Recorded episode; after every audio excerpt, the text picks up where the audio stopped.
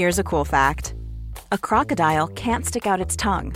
Another cool fact you can get short term health insurance for a month or just under a year in some states. United Healthcare short term insurance plans are designed for people who are between jobs, coming off their parents' plan, or turning a side hustle into a full time gig. Underwritten by Golden Rule Insurance Company, they offer flexible, budget friendly coverage with access to a nationwide network of doctors and hospitals. Get more cool facts about United Healthcare short term plans at uh1.com. Ryan Reynolds here from Mint Mobile. With the price of just about everything going up during inflation, we thought we'd bring our prices down. So to help us, we brought in a reverse auctioneer, which is apparently a thing. Mint Mobile unlimited premium wireless. Ready to get 30, 30, bit to get 30, bit to get 20, 20, 20, bit to get 20, 20, bit to get 15, 15, 15, 15 just 15 bucks a month. So, Give it a try at mintmobile.com slash switch. $45 upfront for three months plus taxes and fees. Promo for new customers for limited time. Unlimited more than 40 gigabytes per month. Slows. Full terms at mintmobile.com. Hey, it's Ryan Reynolds, and I'm here with Keith, co star of my upcoming film, If, only in theaters, May 17th. Do you want to tell people the big news?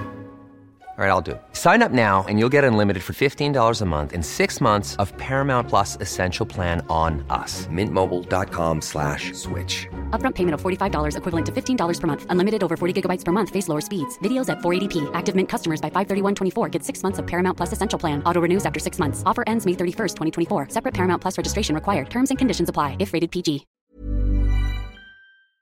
Palmemordet David Fredin del 1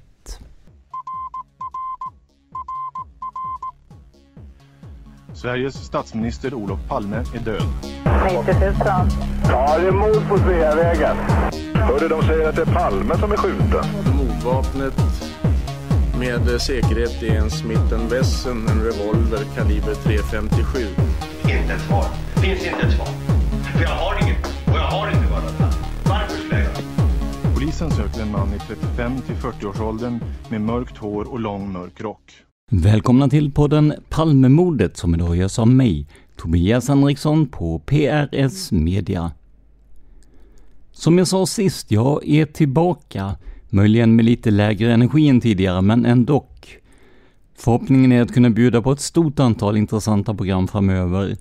Och vi har ju bland annat bandat material med David Fredin, eller Jakob Tedelin som han kallades i Jan Stocklassas bok. Och vi kommer ut med det så snart den har gett okej okay till publicering. Men redan innan dess kommer vi att bearbeta ämnet, vilket ni snart kommer att få se. Om ni vill stötta vårt arbete med podden så gör ni det lättast på patreon.com palmemordet. Det är alltså p-a-t-r-e-o-n.com palmemordet. Där skänker ni en summa som podden får per publicerat nytt avsnitt. Görs inga nya avsnitt, ja då dras heller inga pengar. Om ni äldre vill göra en engångsdonation, ja då hittar ni sätten att göra detta på i avsnittsbeskrivningen. Och kom ihåg att till Palmevandringarna så är det de som har sponsrat längst som först får inbjudan. Så vill ni vara med, se till att sponsra. Innan vi börjar med dagens avsnitt så vill jag bara kort nämna förra veckans berättelse från Robert, där han säger sig vara den yngling som nämns i Anna Hagers förhör. Berättelsen kan tyckas fragmentarisk, men blir mer förståelig med resten av materialet, som kommer framöver i podden. Vad man sedan själv väljer att tro eller inte tro om detta, ja, det är ju upp till var och en. Själv anser jag att tro är en dålig grund för en journalist och jag försöker hålla mig objektiv till grundmaterialet. Det har kommit in många kommentarer, både hånfulla och stöttande, och vi kan inte svara på allt som skrivs på Facebook och Flashback, men vi tar del av det mesta. Och förhoppningen är att hela scenariot ska klarna inom kort även för er lyssnare. Och därefter är det upp till er att bedöma vad ni tror. Som ni vet är det just nu, sommaren 2023, mycket i media om Jan Stocklassas bok, senare tv-serie, och om en speciell person som i boken kallas Jakob Tedelin. Men det är inte hans riktiga namn.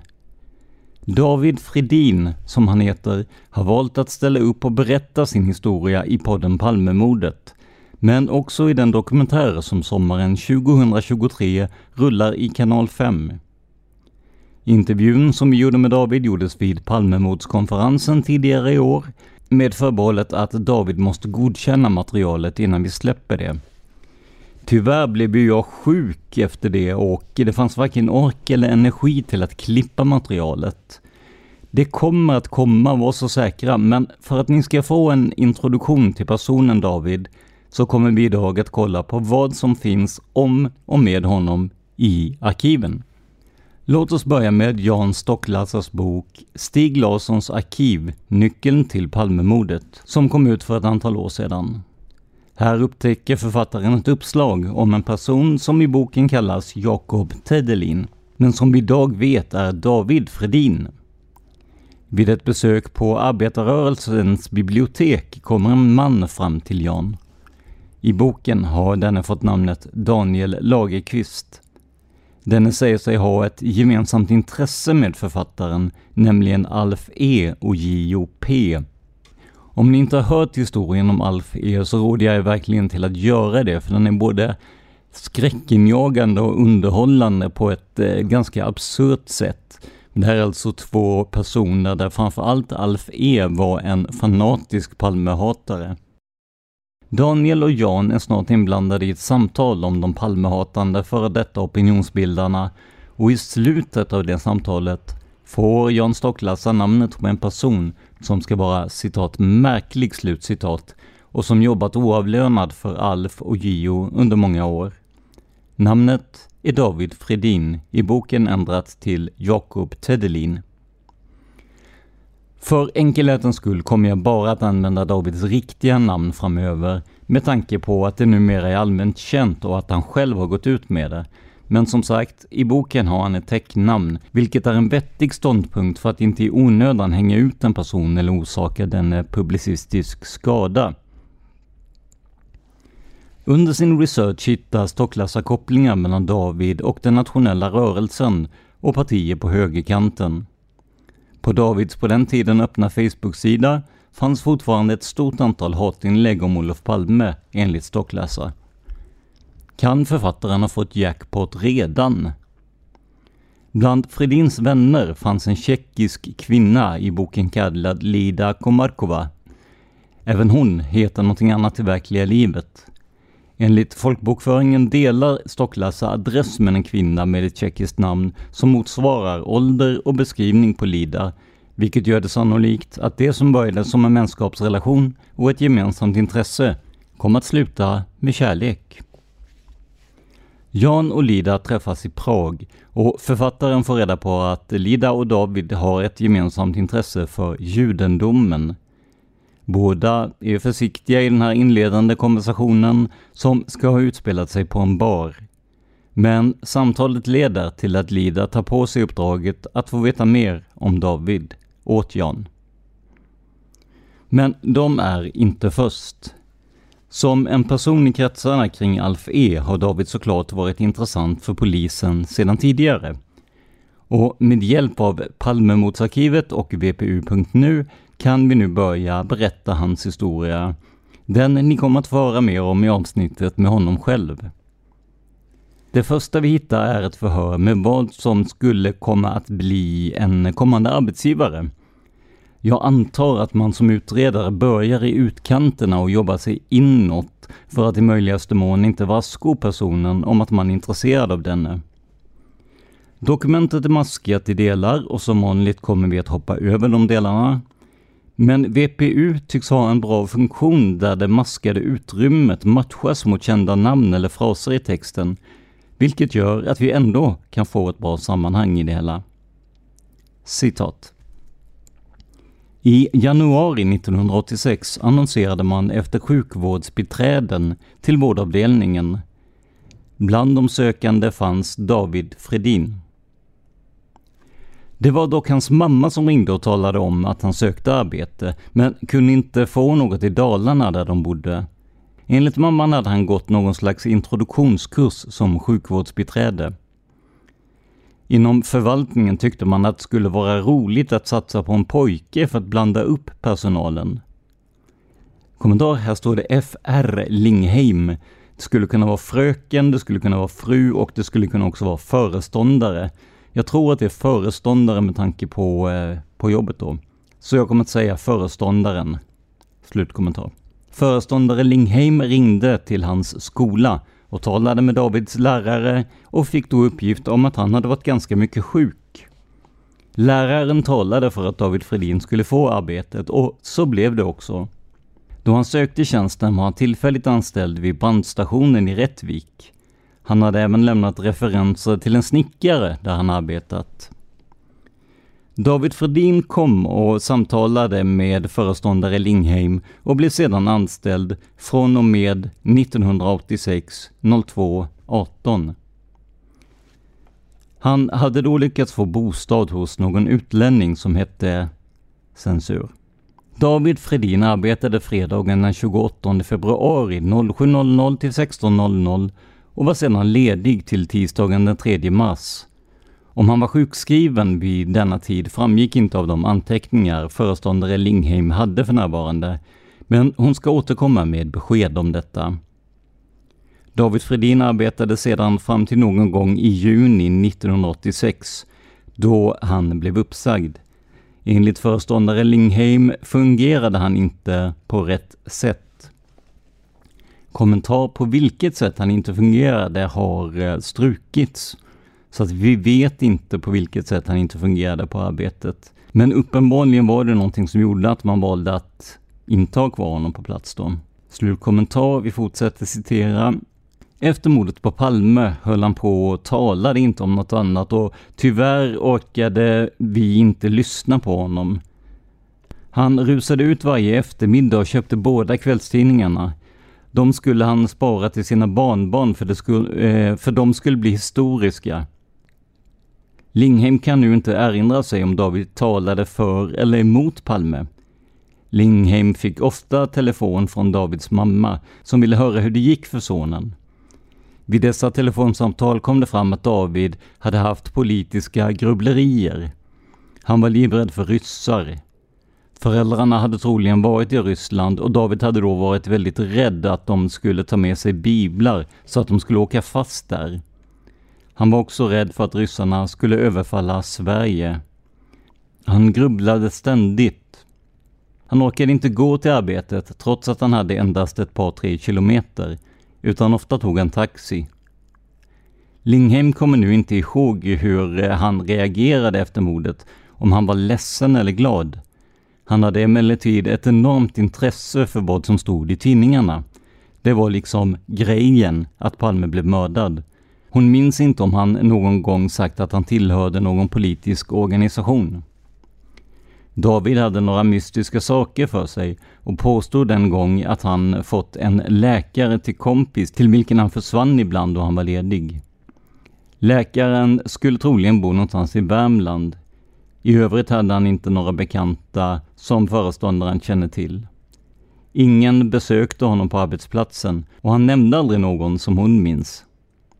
På arbetsplatsen var det troligen censur som han hade mest kontakt med Förmodligen var det inte någon djupare vänskap utan inskränkte sig till samtal under arbetstiden. Lingheim beskriver David som mycket blek, mager och bortklemad. Han hade djupa grubblerier och svårt att sova och var därför ofta trött. Lingheim beskriver honom som smal, lite långsmalt ansikte, stora ögon och använde alltid glasögon mörka ögonfransar, han hade lite självlockigt hår, brunaktigt. Lingheim har inte sett honom bära peruk. Klädseln kommer hon inte ihåg mer än en gråaktig vadderad rock samt att han ofta hade så kallad diplomatportfölj. Lingheim förevisas ett passfoto och säger med en gång att det är David, men då han arbetade på sjukhemmet var han betydligt smalare. Hon visas även de övriga bilderna av David och känner igen honom i manmärkningen att han bär peruk. Kläderna känner hon inte igen. Lingheim påpekar att det är mera sällan hon ser personalen i ytterkläder. Lingheim vet att David bodde hos någon eftersom det i eh, början av Davids anställning blev feladresserat beträffande hans avlöning. David hade helt enkelt inte anmält att han var inneboende hos personen. Lingheim uppger att David var väldigt snäll mot patienterna, men han fungerade inte på huvudets vägnar. Han befann sig någon annanstans i tankarna. Han var en fanatiker beträffande Palme och led av rysskräck. Förhöret avslutat klockan 12.40. Lingheim har senare ringt och meddelat att hon kontrollerat Davids tjänstgöring den 28 februari och 4 mars. Han var i tjänst båda dagarna. Slut citat. Som så ofta med sådana här förhör så är det ibland lite svårt att veta vad som avses. För föreståndaren säger ju att hon inte vet om han var för eller emot Palme. Men i slutet säger hon att han led av rysskräck och eh, var fanatisk vad gäller Palme. Det borde hon ju i så fall veta tidigare i samma förhör också kan man tycka. Men till det här skickas senare en eh, spaningspromemoria där det står citat Föreståndarinnan har kontrollerat i journalerna över arbetstider för personalen och då kunnat konstatera att David verkligen arbetade fredagen den 28 andra 1986 under tiden 7 till 16 samt att han efter ledighet åter inträtt i tjänst i sin turlista den 4 3 1986. Lingheim uppger att det finns särskild markering för närvaro, eh, det vill säga avbockning. Undertecknat Alf Andersson, kriminalinspektör. Tillägg. Lingheim uppgav vidare att David sedan efter den fjärde tredje arbetat varje dag i sin turlista. Slut citat. Så David jobbade ett vanligt dagpass tiden för mordet 7 till 16. Om man tror att David skulle ha varit mördaren så är ju inte det här någonting som ger honom alibi. Mordet inträffade ju 23.21 ungefär. Det här är nog även någonting som polisen har i åtanke för att det finns ett större antal förhör med David och med personer kring David. Vi kommer nu till ett förhör med en värdinna som också ska vara på sjukhemmet. Och med tanke på att vi inte vet personens namn så kommer jag säga värdinna eller värdinnan när maskning som motsvarar dennes namn kommer. Hej, jag Ryan Reynolds. På Mint Mobile, we like to do the opposite of what Big Wireless does. They charge you a lot, we charge you a little. So naturally, when they announced they'd be raising their prices due to inflation, we decided to deflate our prices due to not hating you. That's right. We're cutting the price of Mint Unlimited from $30 a month to just $15 a month. Give it a try at mintmobile.com slash switch. $45 upfront for three months plus taxes and fees. Promote for new customers for limited time. Unlimited more than 40 gigabytes per month. Slows. Full terms at mintmobile.com. Quality sleep is essential. That's why the Sleep Number Smart Bed is designed for your ever evolving sleep needs. Need a bed that's firmer or softer on either side? Helps you sleep at a comfortable temperature? Sleep Number smart beds let you individualize your comfort so you sleep better together. JD Power ranks Sleep Number number 1 in customer satisfaction with mattresses purchased in-store. And now, save 50% on the Sleep Number limited edition smart bed for a limited time. For JD Power 2023 award information, visit jdpower.com/awards. Only at a Sleep Number store or sleepnumber.com. Life is full of what ifs. Some awesome, like what if AI could fold your laundry? And some, well, less awesome, like what if you have unexpected medical costs? United Healthcare can help get you covered with Health Protector Guard fixed indemnity insurance plans. They supplement your primary plan to help you manage out of pocket costs. No deductibles, no enrollment periods, and especially no more what ifs. Visit uh1.com to find the Health Protector Guard plan for you. Citat. Mord, Palme. Uppgiftslämnarens efternamn struket, födelsedata struket. Yrke, titel, värdinna. Arbetsplats, här får vi faktiskt namnet på arbetsplatsen. Blomsterfondens sjukhem, Annebodavägen 25 i Älvsjö. Hörd angående Fredin, David, som är anställd vid sjukhemmet. Värdinnan uppger att David anställdes den 14 juli 1986 som sjukvårdsbiträde vid sjukhemmet. David hade den utbildning som erfordras. David skötte de första månaderna arbetet till belåtenhet, men började så småningom att visa att han var något udda person. Fredin tycktes vara mycket rastlös och pratade alltid om allt med alla och verkade på grund av detta något påfrestande för andra. I lunchrummet där personal, patienter och gäster utifrån äter brukar David springa mellan borden och prata om allt möjligt. Personalen märkte att David började läsa i böcker under sin arbetstid. Fredin hade alltid en bok med sig och sågs ofta komma gående sakta i korridoren läsande i en bok. Han hittades även ofta sittande någonstans med en bok, till synes helt ointresserad av sin omgivning.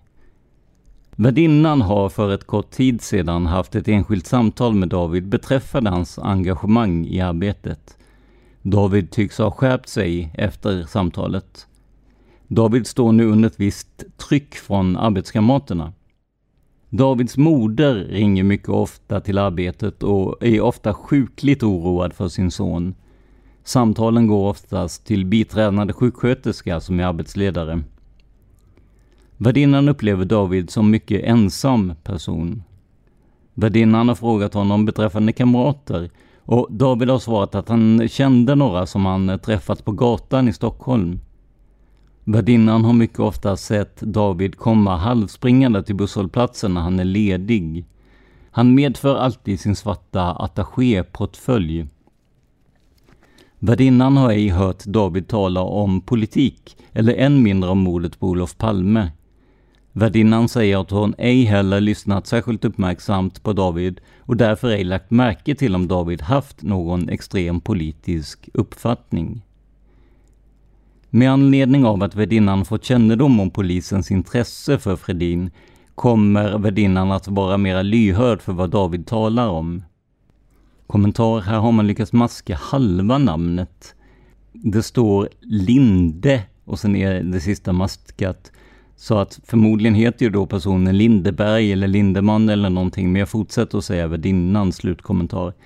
Värdinnan är dock helt införstådd med att allt sker med största sekretess. Ny kommentar, här har man alltså missat att maska det sista i namnet där man maskat det första tidigare så att säga.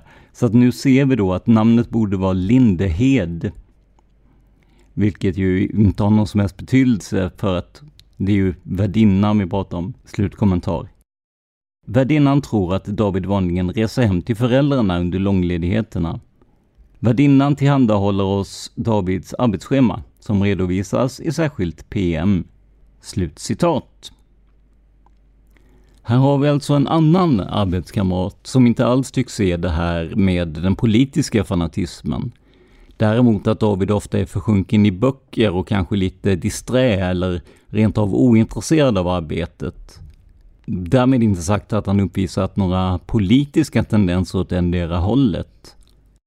Vi ser nu genom att följa dokumenten att polisen blir mer och mer intresserad av Fredin. En del av det kan ju vara att han faktiskt slutade en bra tid innan mordet den här dagen och faktiskt inte har ett alibi från arbetsplatsen i alla fall.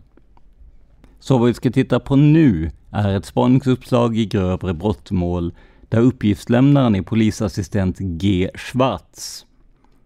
Det här rör ju såklart mordet på Olof Palme och det står citat Andersson på RK Kommentar Rikskriminalen, slutkommentar informerade att inom snar tid ska startas en undersökning av spaningsuppslaget nummer D6770 och att vi, skrivande polisassistent, endast fått en del av ärendet i sin helhet.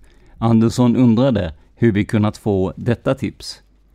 Hur som helst ville han att vi ej skulle bearbeta ärendet utan avvakta och se. Kommentar ej är alltså understruket. Slutkommentar. Vid kontakt med Andersson 870414 visade det sig att D6770 handläggs vid RK och finns kopplat till ärendet med Alf E och som numera finns antecknat till EAP. Slutcitat. Men Fredin är ju intressant för polisen trots att eh, polisassistent Schwarz säger att man vill avvakta med den här personen. Och om jag inte har sagt det innan, det första förhöret från arbetsplatsen hölls eh, under 1986. Det andra med henne vi kallar värdinnan hölls 870325. Det har diarienummer D6770-2 och det första har D6770-1 lämpligt nog. Bilagan med tiderna som David jobbat har D6770-1-A. Det följer en viss logik här onekligen. Men nu är polisen ändå intresserade. 1987 0414 är det här. Och vi är på uppslag D6770-4. Citat. Rikskriminalen 1987 0414 till Krinsp kommentar kriminalinspektör slutkommentar Bäckström KK1 angående Fredin David signalement 26 år 178 cm smärt smalt ansikte veka drag rak näsa ordinär mun blå ögon går något framåtlutad med något krum rygg har mellanblont, lockigt, ganska utväxt hår som kan sägas vara något yvigt. Svart parkas med huva. Vit parkas med huva. Grönaktig midjelång skinnjacka. Gråvit grovt fiskbensmönstrad jacka av midjemodell. Skor av så kallad slamkrypartyp. Kommentar, det säger inte mig någonting, men eh, det var tydligen ett begrepp på 80-talet i alla fall, slutkommentar. Vinröd lång halsduk. Bär peruk som är mörkblond till svart i färgtonen, rakt långt hår i pageliknande frisyr, dock ej pagefrisyr. Bär alltid glasögon med rödbruna bågar, stora glas. Bär alltid på en svart så kallad attachéportfölj med kodlås. Beteende. Är alltid vaksam. Tror sig vara skuggad var han än befinner sig. När han går på gatan vänder han om och går tillbaka tittar på folk omkring sig, tar av sig peruken vid vissa tillfällen och sätter på den igen vid annat tillfälle. Saknar fordon, åker buss och T-bana. Underskrivet Alfa, telefon 7282 och den förhoppningsfulla kommentaren Good luck. Slutcitat. Men vad säger då David själv om allt det här? Hur förklarar han sitt umgänge med Alf E och JOP vad tyckte han egentligen om Palme? Vi kommer att få reda på det. Vi är framme på avsnitt D givetvis, löpnummer 6770-5 och här är det Stig Kjellson som förhör David Fredin. David står, som, eh, står anställd som sjukvårdsbiträde på samma plats som vi har nämnt innan. Citat. Närvarande vid förhöret kriminalinspektör Alf Andersson och Tore Forsberg. Min kommentar, om det är den Tore Forsberg som jag tror att det är, så är det en ganska intressant person att ha med. Han anställdes 1956 som aspirant vid Stockholmspolisen och jobbade vid ordning och kriminalpolisen. Men redan 1967 kom han till Säpo och där blev han kvar i 32 års tid. Det innebär till 1999. Så att här var han alltså anställd av Säpo. Slutkommentar. Citat. Fredin meddelas att anonymt tips inkommit i Palmeärendet om att han är lierad i kretsar som misstänkliggjorde Palme för att vara kommunist och landsförrädare. Ärendet angående E. Fredin föredrogs den 3 87 för chefsåklagare Anders Helin och denne beslöt att Fredin skulle hämtas till förhör. Den 4 juni 87 8.00 besökte ovanstående kriminalinspektör Fredin i dennes bostad och meddelade honom att vi var intresserade av honom i Palmeutredningen. Fredin nämnde då spontant att han hade kontakt med Alf E och dennes parti, oppositionen inom socialdemokratin. Han fick därför medfölja till Rikskriminalens lokaler på Polhemsgatan i Stockholm för vidare förhör. Han infördes där klockan 08.30 han lämnade Rikskrim klockan 11.30. Förhöret är bandat men är av sådan omfattning att det behövs redigeras och irrelevanta saker kommer att utlämnas. Redovisas senare på annat uppslag. Slutcitat. Och då vill man ju väldigt gärna veta vad de pratade om. Det ska vi också få reda på här. Vi har ett sammanfattande förhör utifrån de här bandinspelningarna som pratas om. Och om det stämmer att det här avser samma, vilket enligt löpnumret gör, så har man verkligen sammanfattat det väldigt kortfattat. Men ja, här får ni historien i alla fall. Citat. Angående Fredin, David. E. Alf. Torsdagen den 4 juni 1987 hördes Fredin på Rikskriminalsektionen med anledning av vad som framkommit spaningsmässigt om Fredin. Fredin klargjorde vid förhöret att han helt anslöt sig till ES kritik och smutskastning av Olof Palme. Man kunde även konstatera att Fredin helt klart gick ES ärenden. PM och förstprotokoll redovisas särskilt om detta. Kommentar. Då kommer vi alltså få en, en utförligare redovisning av det här. Det känns ju vettigt. Slutkommentar, fortsatt citat. Fredag den 5 juni 1987 sammanträffade Fredin med censur, som uppgav att Fredin vid sammanträffandet ej yttrat att han varit i polisförhör om Palmemordet. Kommentar. Sen kommer det en ganska svårbegriplig mening. Fredin anser att vår censur har möjlighet att utföra kollo kollaborationer, tror jag det ska stå, inom polisen och Försvarets säkerhetstjänst. Jag vet inte riktigt vad han menar och jag vet inte vad de menar med vår censur. Om det är vår källa, vår informatör, vår spion. Um, men ni får med det i alla fall där.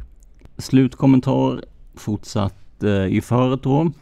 Onsdag den 10 juni 1987 sammanträffade eh, Fredin ånyo med censur.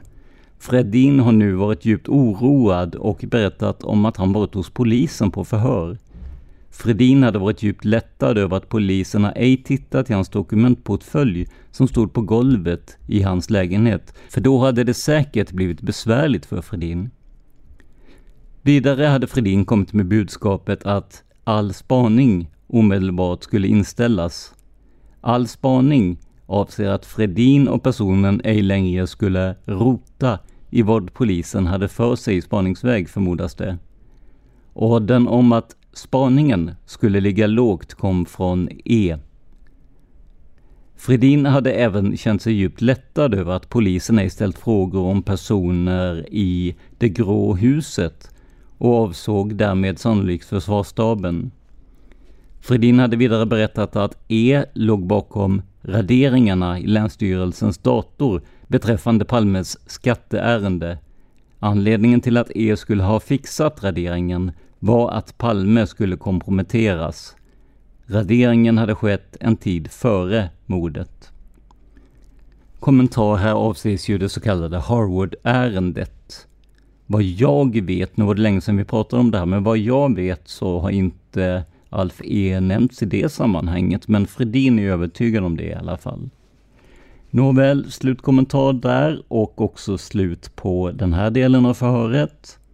Och nu slutligen då så kommer vi att få Fredins sammanhängande, eller i alla fall sammanhållna berättelse. Och det här är avsnitt David, eh, lämpligt nog.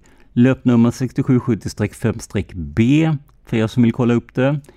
Och eh, utskriftsdatumet i alla fall är den 21 augusti. Vi kan konstatera att den här kortfattade sammanfattningen om att eh, Fredin kallats till förhör skrevs den 4 juni 1987. Eh, så att om det här är en sammanställning av det förhöret så har det gått väldigt lång tid. Som ni hör är det inte alltid logiskt när man går igenom Eh, förhör på det här sättet. Det kan vara akter som saknas, det kan vara att de hamnat i fel ordning och så vidare. Men löpnumren är så att säga i, i, i fallande ordning här, så att det borde, det borde vara ehm, det här som vi ska gå in på nu. Hur som helst, vi kör ett citat där och eh, uppgiftslämnaren är David Fredin, uppgiftsmottagare Alf Andersson. Fredin är kallad till förhöret. Förhöret påbörjas på SÄK där förhöret inledningsvis hålls av intendent Tore Forsberg. Fredin tillfrågas om han idag har förändrat sitt synsätt på problematiken runt mordet på Palme. Fredin uppehåller sig kring att det borde vara vänsterorienterade krafter som haft glädje av mordet eftersom SAP och Sovjet tjänat mest på mordet. Palme ville verka för nedrustning av västmakterna han verkade även för nedrustning av det svenska försvaret som allvarligt oroade ledande svenska militärer. Fredin tar även upp att den så kallade Harvard-affären kan ha skadat Palme och försatt honom i en utsatt ställning gentemot hans politiska motståndare.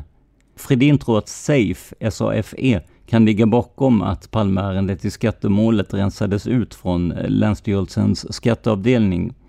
Fredin säger sig inte kunna utveckla sin misstanke närmare än att de troligen ville tysta ner rabaldret kring Palme. Fredin uppger att Alf E endast har sparsamma kontakter med Broderskapsrörelsen och SAFE och däribland ledaren för det så kallade Nässjöbråket. Fredin tillfrågas hur han ser på ESTs att Palme var på väg att införa Sovjetkommunism i Sverige och att Palme överhuvudtaget gick Sovjets ärenden. Vad skulle det då finnas för logik i att Sovjet skulle vilja döda Palme, som kunde ses vara i Sverige vad Karmal var i Afghanistan? Fredin blev svarslös inför frågeställningen. Föret avbryts 11.30 och återupptages på Rikskrim utan Forsbergs medverkan. Fredin har tidigare talat om svensk militär utan att han har velat namngiva någon person. Fredin visas några tidningsurklipp med bilder och tillfrågas huruvida det kan röra sig om personer som deltagit helt öppet i debatter om försvarsfrågan och haft starka betänkligheter mot regeringen Palmes försvarsvilja. Fredin uppger att han haft kontakter med kommendörkapten Censur. Här stämmer maskningen på Hans von Hofsten, men vi kan inte vara säkra på att det är det. Vi fortsätter. Det var vid tiden för den ryska ubåtskränkningen i Hårsfjärden. Fredin träffade personen dels i dennes bostad, dels på hans landställe och dels ute på stan. Personen påstod att Palme ljög för svenska folket om ubåtsincidenten. Palme hade beordrat marinen att häva ubåtsspärrarna den 7 oktober 1982, dagen innan han tillträdde som statsminister. Fredin uppger att personen var mycket upprörd över Palmes agerande. Här kan jag bara skjuta in en kommentar om att vi kommer att återvända till det här marinofficersupproret då, som eh, David eh, går in på här i senare avsnitt. Men just nu fortsätter vi att citera ur förhöret med David Fredin. Fredin tillfrågas om religionen kan spela någon roll i Palmemordet. Fredin uppger att han erfarit att Livets Ord i Uppsala var fientliga mot Palme, men vet ej närmare om detta. På fråga om Alf E haft kontakter med någon person som driver religionsfrågor uppger Fredin att E har sparsamma kontakter med en person som bor i Sydsverige. Anledningen till att E har kontakter med denne är att han kan mycket om utbildning och skolor. Fredin erinrar sig att personen i fråga heter Censur.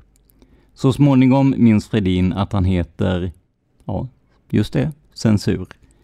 Vi får inget namn där och det kanske inte heller är jätteviktigt för sammanhanget. Fortsätter. Fredin vet inget närmare om personen annat än att han misstänker att personen är kontroversiell, vad han förstått av ES utläggningar.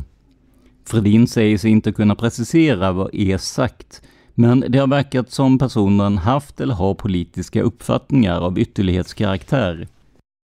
Av samtalen har framgått att personen liksom E ansett att Palme förstört den svenska skolan och att ungarna går ur skolan utan att kunna det mest elementära, skriva och räkna. I övrigt kan inte Fredin komma på någon person inom religionen som har kontakter med E som kan ha intresse i mordutredningen. Planning for your next trip? Elevate your travel style with Quince. Quince has all the jet-setting essentials you'll want for your next getaway, like European linen, premium luggage options, buttery soft Italian leather bags, and so much more. And it's all priced at 50 to 80% less than similar brands. Plus, Quince only works with factories that use safe and ethical manufacturing practices. Pack your bags with high-quality essentials you'll be wearing for vacations to come with Quince. Go to quince.com slash trip for free shipping and 365-day returns. Fredin tillfrågas vad han vet om ES och partiets ekonomi. Fridin uppger att det har framkommit att medlemmarna, cirka 50 000 personer, sänder in belopp till partiet och det sker distrikts eller möjligen länsvis. Fridin menar att styrelsen inom oppositionen i socialdemokratin har insyn i räkenskaperna. Åtminstone är detta Fredins förhoppning. Fredin tror inte att E försnillar de insamlade medlen. Här vill jag skjuta in en kommentar. Vi vet sedan de tidigare avsnitten om eh, opposition inom socialdemokratin och Alf E's verksamhet att han kraftigt överdrev antal personer som donerade och också antalet medlemmar då. Jag har själv varit i kontakt med eh, Astrid Lindgrens anhöriga, för påstod att Astrid Lindgren hade skickat brev och pengar och de förnekar detta helt. Astrid Lindgrens samlade brevsamling finns ju på Kungliga biblioteket tror jag det var. Eh, och det finns ingenting om någon kontakt med Alf E där. Så att vi får ju ta de här siffrorna och det som David Fredin eh, lyfter fram här med viss, eh, ja, med en nypa salt.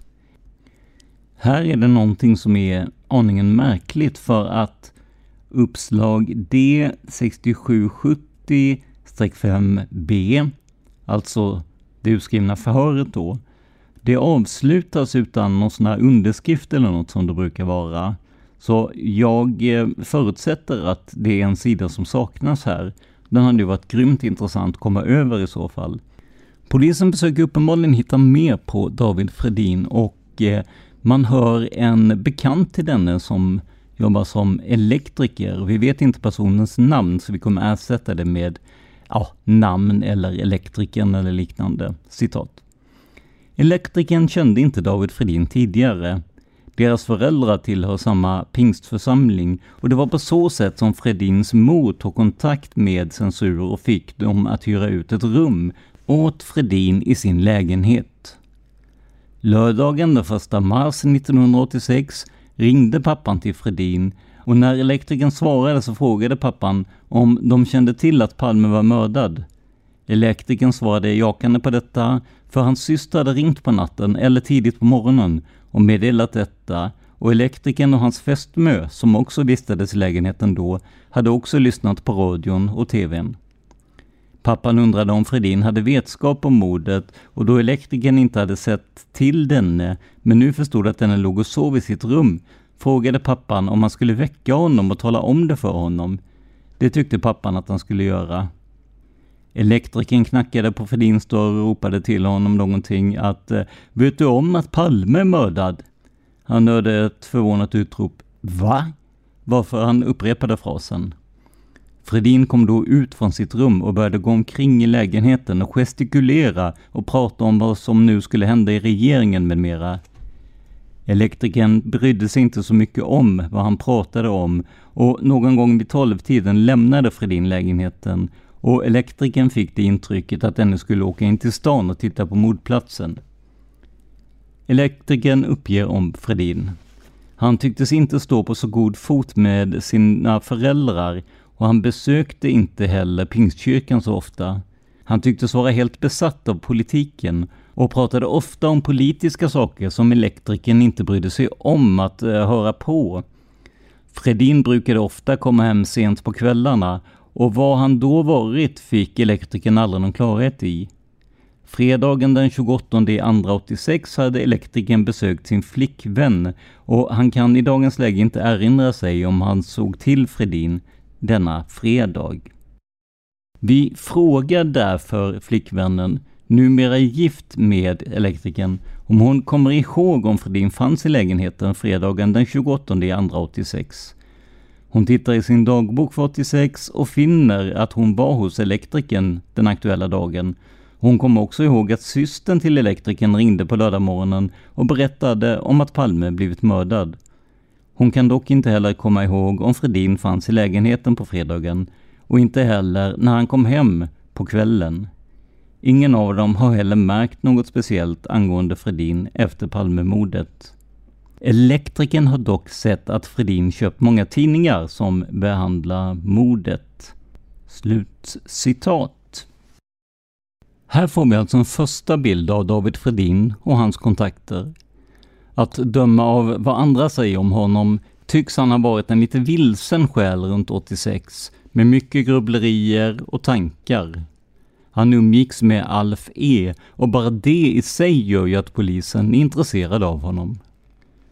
Som ni såg i det sista förhöret verkar det faktiskt som att Fredin varit hemma på kvällen för mordet, eller i alla fall på natten, då han vaknade i sin rumskompis lägenhet. Men det i sig ger ju inte Fredin något alibi för kvällen och timmarna före och efter mordet. I väntan på att vår intervju med Fredin ska klippas och godkännas kommer vi att fortsätta ge er bakgrunden till hans liv, så som den redovisats i förhör och böcker. Det är såklart inte en heltäckande bild och ni kommer att höra att David själv säger emot en del av detta i den kommande intervjun. Men det här är i alla fall vad vi kan hitta om honom i utredningen. Detta och ett stort antal för till. Och det återkommer vi till i nästa vecka. Men vad tror ni om David? Var han en vilsen ung man som sökte en identitet? Eller tror ni att han hade med mordet att göra? Kommentera gärna i Studio Palmemordet och Palmerummet på Facebook. Och som vanligt kan vi inte svara på frågor om mordet på mail, för då hade vi inte fått göra annat. Men om ni har tips eller idéer om avsnitt, eller om ni har feedback på det som vi har sänt, då kan ni lämna det på zimwaypodcast gmail.com. Alltså z-i-m-w-a-y podcast gmail.com. Och den här e-postadressen går till Dans företag, så på det här sättet kan du nå alla hans poddar.